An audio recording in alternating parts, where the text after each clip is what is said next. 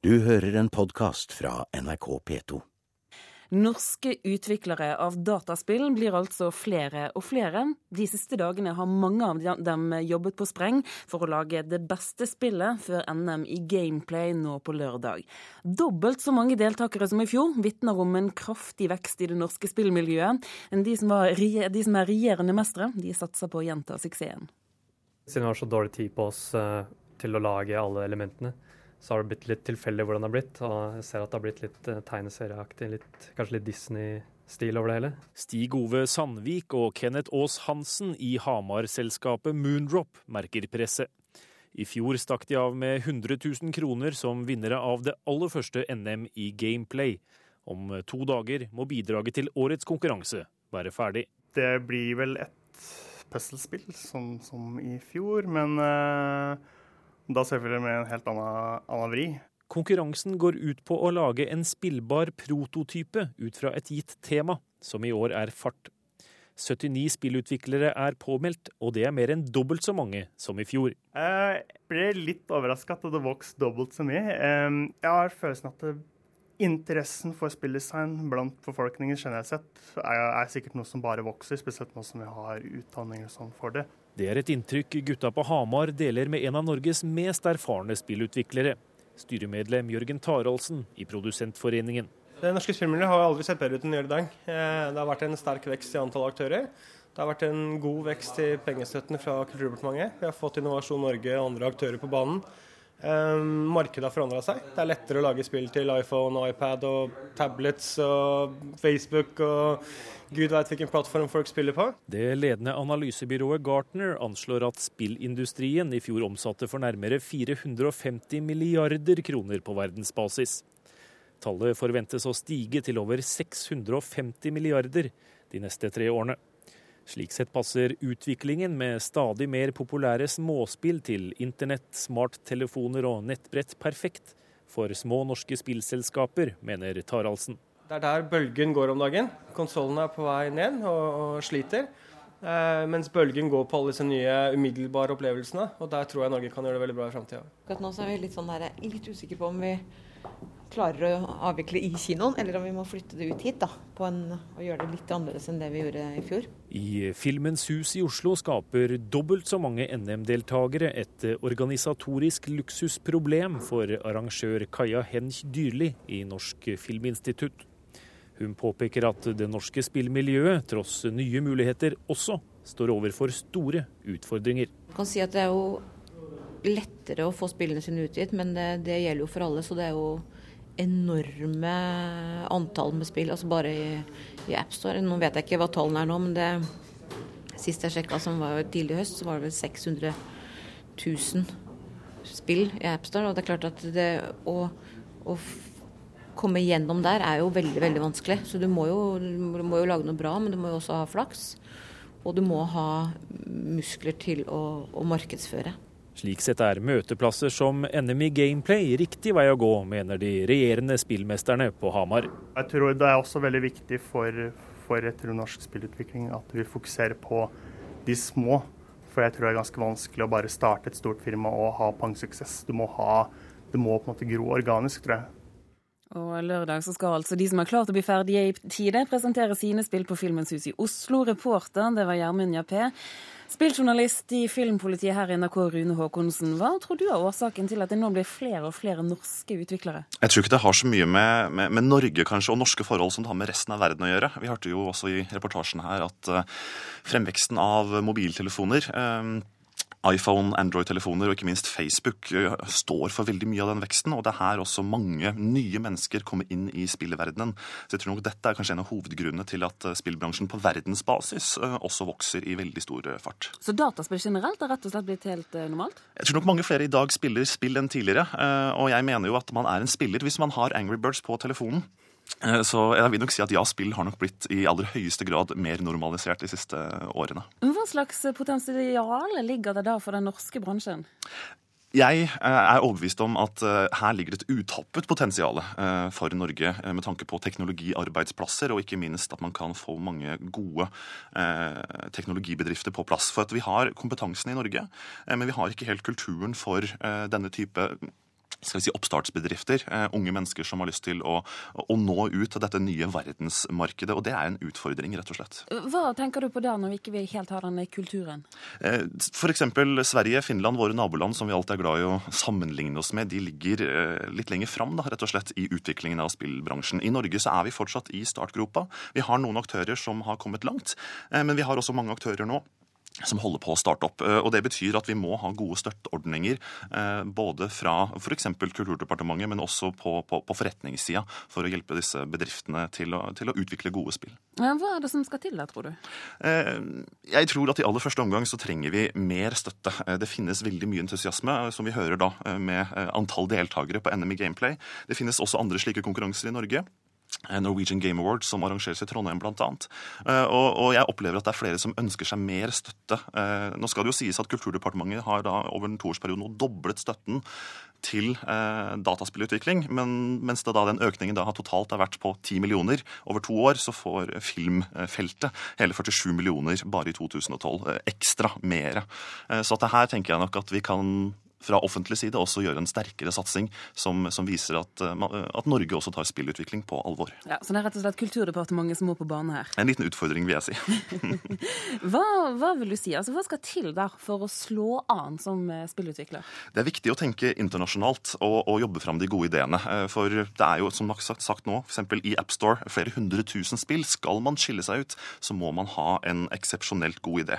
Det betyr at jeg mener norske spillutviklere ikke bør sikte etter norske spill, altså spill som baserer seg på troll og typiske norske kulturfenomener. Man må tenke på et internasjonalt publikum, eh, og da tror jeg ikke den norske kultursfæren alltid er den beste å holde seg til.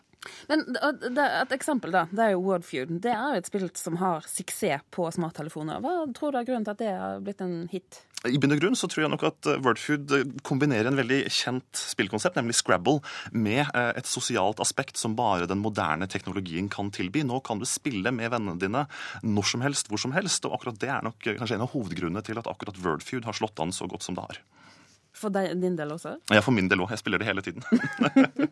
Eh, hvis jeg ber deg om å tenke fremover, da, litt sånn eh, på tampen her. Hva tror du blir eh, høydepunkter blant norske spill i år? Allerede nå i, før sommeren så kommer det to norske spill som jeg gleder meg mye til. Funcom, den store norske og mest kjente spillaktøren, kommer med sitt online-spill The Secret World, som har veldig mye internasjonale forventninger også. Men jeg vil også ta fram Turbotape Games, som lager et strategispill om marin krig i nordområdene, som også kommer litt seinere nå til våren, og det gleder jeg meg veldig til. Rune Håkonsen, takk for at du var med oss her i Kulturnytt. Bare hyggelig.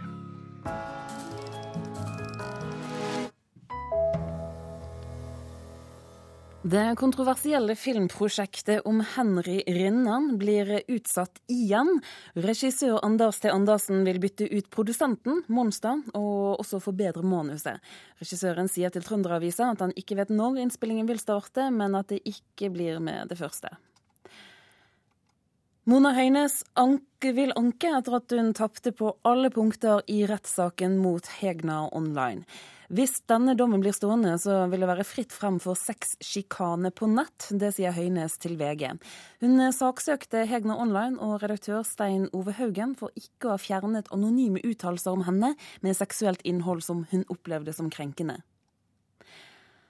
Arkitekter har kastet seg over tegnebrettene for å tegne nye Våler kirke i Hedmark. Hele 239 forslag har så langt kommet inn til den lille menigheten, det melder avisen Vårt Land. Og det gjør kirken til det mest attraktive arkitektprosjektet i norgeshistorien, kun slått av Operaen i Bjørvika. Dette er uventet og helt spesielt, det sier konkurransesekretær Per Rygg i Norske arkitekters landsforbund. Men eh, først nå så skal vi til Stavanger, for middelalderpreget i byen er i ferd med å bli fullstendig ødelagt av høyhus. Det mener byantikvaren, som sier at utbyggere som vil bygge nytt og høyt, truer byens identitet. Handelsstanden er helt uenig og mener byantikvaren overdriver kraftig, men eh, Anne Merete Skogland står på sitt. Fra Vågen så vil den ruve mer enn eh, en domkirken. Byantikvar Anne Merete Skogland i Stavanger er bekymret. Like ved domkirken i sentrum vil Skagenfondene bygge to etasjer på kjøpesenteret Torgterrassen for å få mer plass. Både Riksantikvaren og Fylkesmannen sier nei. Altså Det er høyt nok som det. Den ligger òg i siktlinje i forhold til opplevelsen av domkirken. Og så er det jo noe med volumet totalt da, inn mot den gamle bykjernen, som vi mener overgår det byen kan tåle. Nå har vi det huset liggende der. Og nå er det om å gjøre å gjøre det godt og nyttig og brukbart og flott for de som ønsker å drive næringsvirksomhet i sentrum.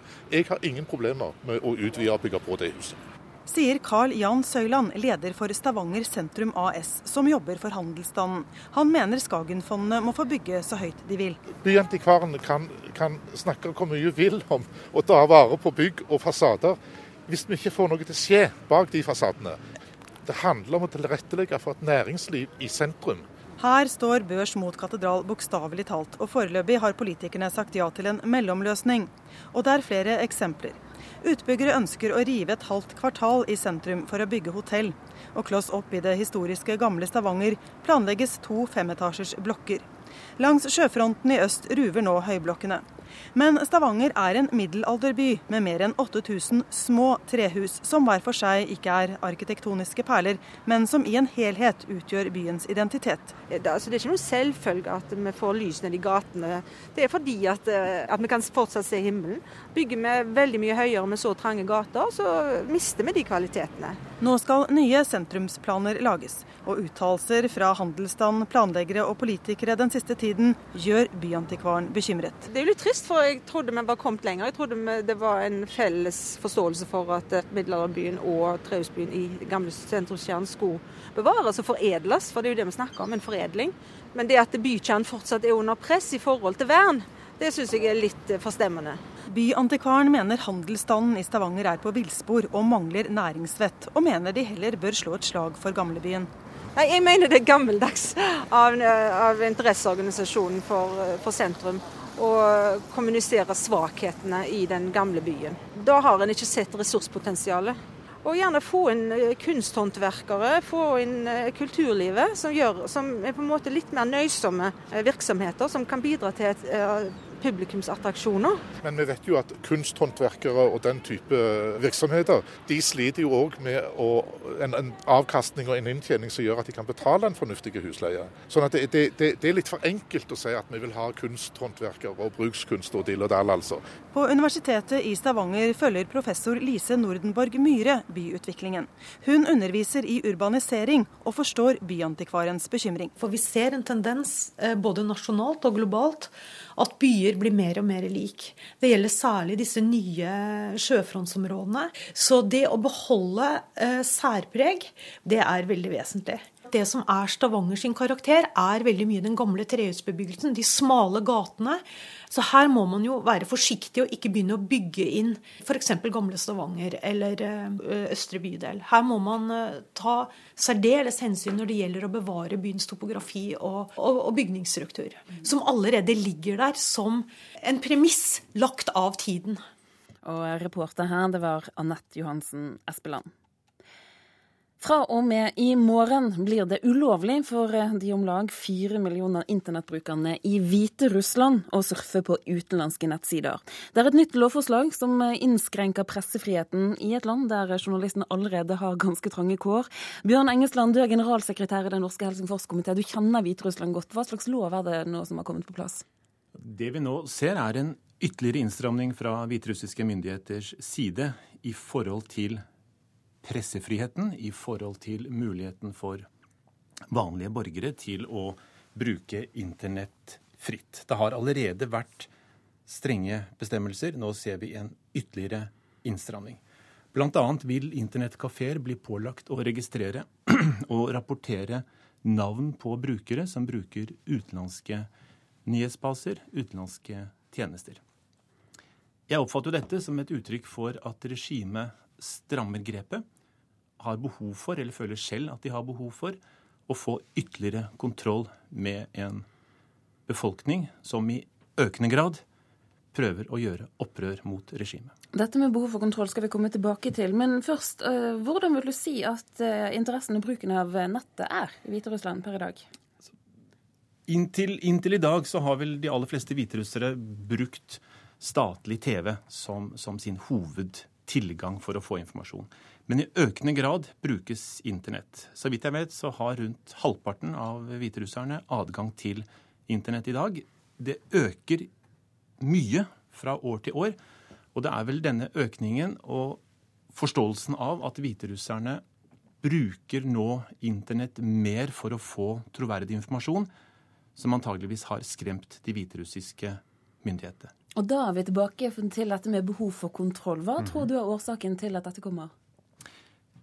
Etter presidentvalget i Hviterussland desember 2010, hvor eh, opposisjonen ble slått hardt ned, ethvert tilløp til demonstrasjoner ble slått ned, Eh, hundrevis av mennesker ble arrestert. Mange sitter fortsatt i fengsel i dag. Har det vært en uro i befolkningen? Det har vært forsøk på å demonstrere, det har vært forsøk på å protestere. Myndighetene har søkt å få en fullstendig kontroll med disse aktivitetene gjennom året. Eh, dette kombinert med en dårligere økonomi, langt dårligere økonomi og et økt press utenfra, ikke minst fra Vestens side, fra EUs side og fra USAs side, har nok rystet de hviterussiske myndighetene og gjort at de føler en reell frykt for å miste grepet på makten. Du har eh, selv eh, blitt rett og slett utestengt fra å besøke Hviterussland. Hvorfor det? Ja, I likhet med mange andre menneskerettighetsaktivister så har jeg blitt eh, nektet adgang fire nå i Helsingforskomiteen har blitt nektet innreiseadgang til Hviterussland. Det er flere andre som også har opplevd samme situasjonen. Det er nok en, igjen en, en frykt for at det skal være, sett med hviterussiske myndigheters øyne, en uheldig påvirkning utenfra når man søker å stenge utenverden ute. Fortsatt så er det muligheter for hviterussere til å kunne reise, men man har altså i stor grad stengt utenlandske menneskerettighetsaktivister ute fra landet.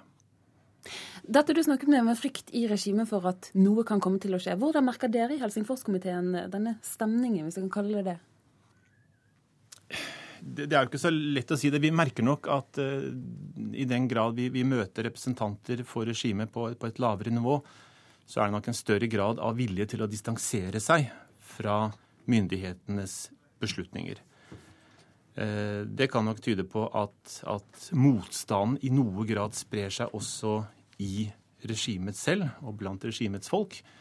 Men fortsatt er det ikke noen klare tegn på splittelse i selve maktstrukturen eller i maktapparatet. Så langt har vi ikke kunnet identifisere noe slikt. Bjørn Engesland, takk for at du var med oss her i Kulturnytt. Hva annet er det i en operasjangeren vi skal uh, bite oss merke i? Altså, Den norske operaballett skal jo også sette opp et av de virkelig tungvekterne på repertoaret. Og det er jo 'Tristan og Isolde' av Rikard Wagner. Som har en vakker kjærlighetsmusikk som det bare er å sette seg ned og flyte med i i fire og en halv time. Eh, hvis det blir gjort bra, også på scenen, det er vanskelig å forløse det på scenen, så kan dette kanskje også bli et av de store høydepunktene i vår. Det, det, er jo våren vi snakker om, så får vi ta den nye sesongen som kommer til høsten, når den tid kommer. Etoile, la OL, Stjernen, kan folk i Bergen få se. Eh, det er Den Nye Opera, som er Norges nest største operakompani. da. de setter opp denne komedien av Emmanuel Chabrier. Eh, den skal være veldig fargerik og sprudlende og med morsom musikk. Skal passe for hele familien. Dette skjer 4.2 og utover, så bergensfolket kan også få med seg litt opera. Hvis vi skal snakke om de norske orkestrene, hva synes du om planene deres?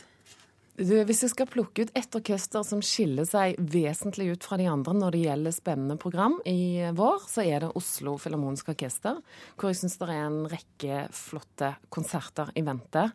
Allerede nå 19.1. For de som er mest kjent med filmkunsten, så kan de få gå og høre Star Wars og det er en, kanskje noe av det tøffeste orkest eller filmmusikken som finnes, syns jeg, av John Williams.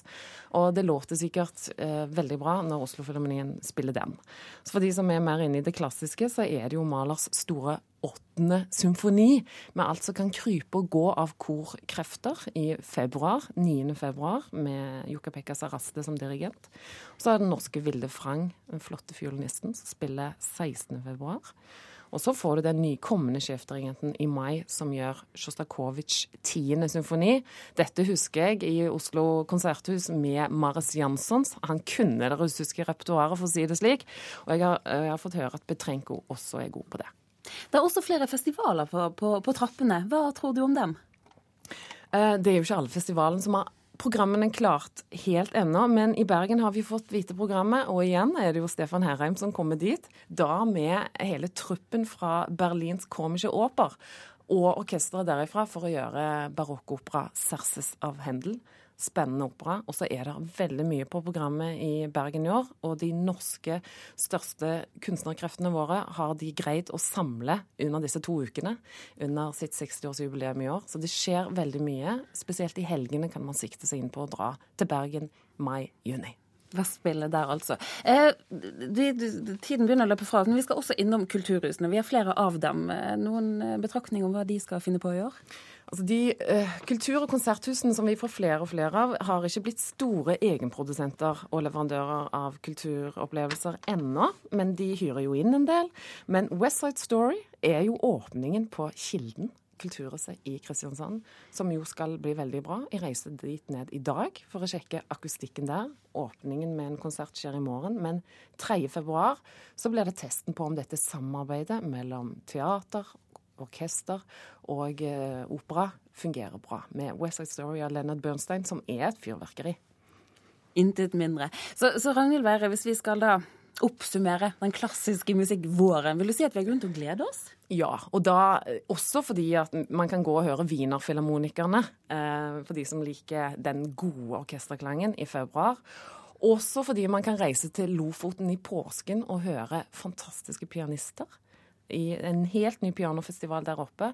Altså Over hele det langstrakte land så tror jeg folk har grunn til å finne høydepunkter. Ragnhild Veire, takk for at du var med oss her i Kulturnytt og snakket oss gjennom musikk våren 2012. Vigdis Hjort plagierer den tyske forfatteren Sebald i romanen Tredjeperson entall. Det sier professor i lesevitenskap Bjørn Kvalsvik Nikolaisen til Stavanger Aftenblad. På avisens nettsider kan jeg lese flere tekstutdrag fra de to forfatterne, hvor likheten er slående. Helt uproblematisk, sier Vigdis Hjort til NRK. Hun sier at alle forfattere holder på på denne måten, og hvis en alltid skulle henvise til kildene, ville bøkene bli dobbelt så lange. Med det så er denne sendingen over. Anja Strøen, Hanne Lunås og Turi Grønbekk sier takk for følget i Kulturnytt-delen av Nyhetsmorgen. Og så kan vi jo nevne at i morgen ettermiddag så sender Kulturnytt direkte fra Kildenåpningen i Kristiansand. Du har hørt en podkast fra NRK P2.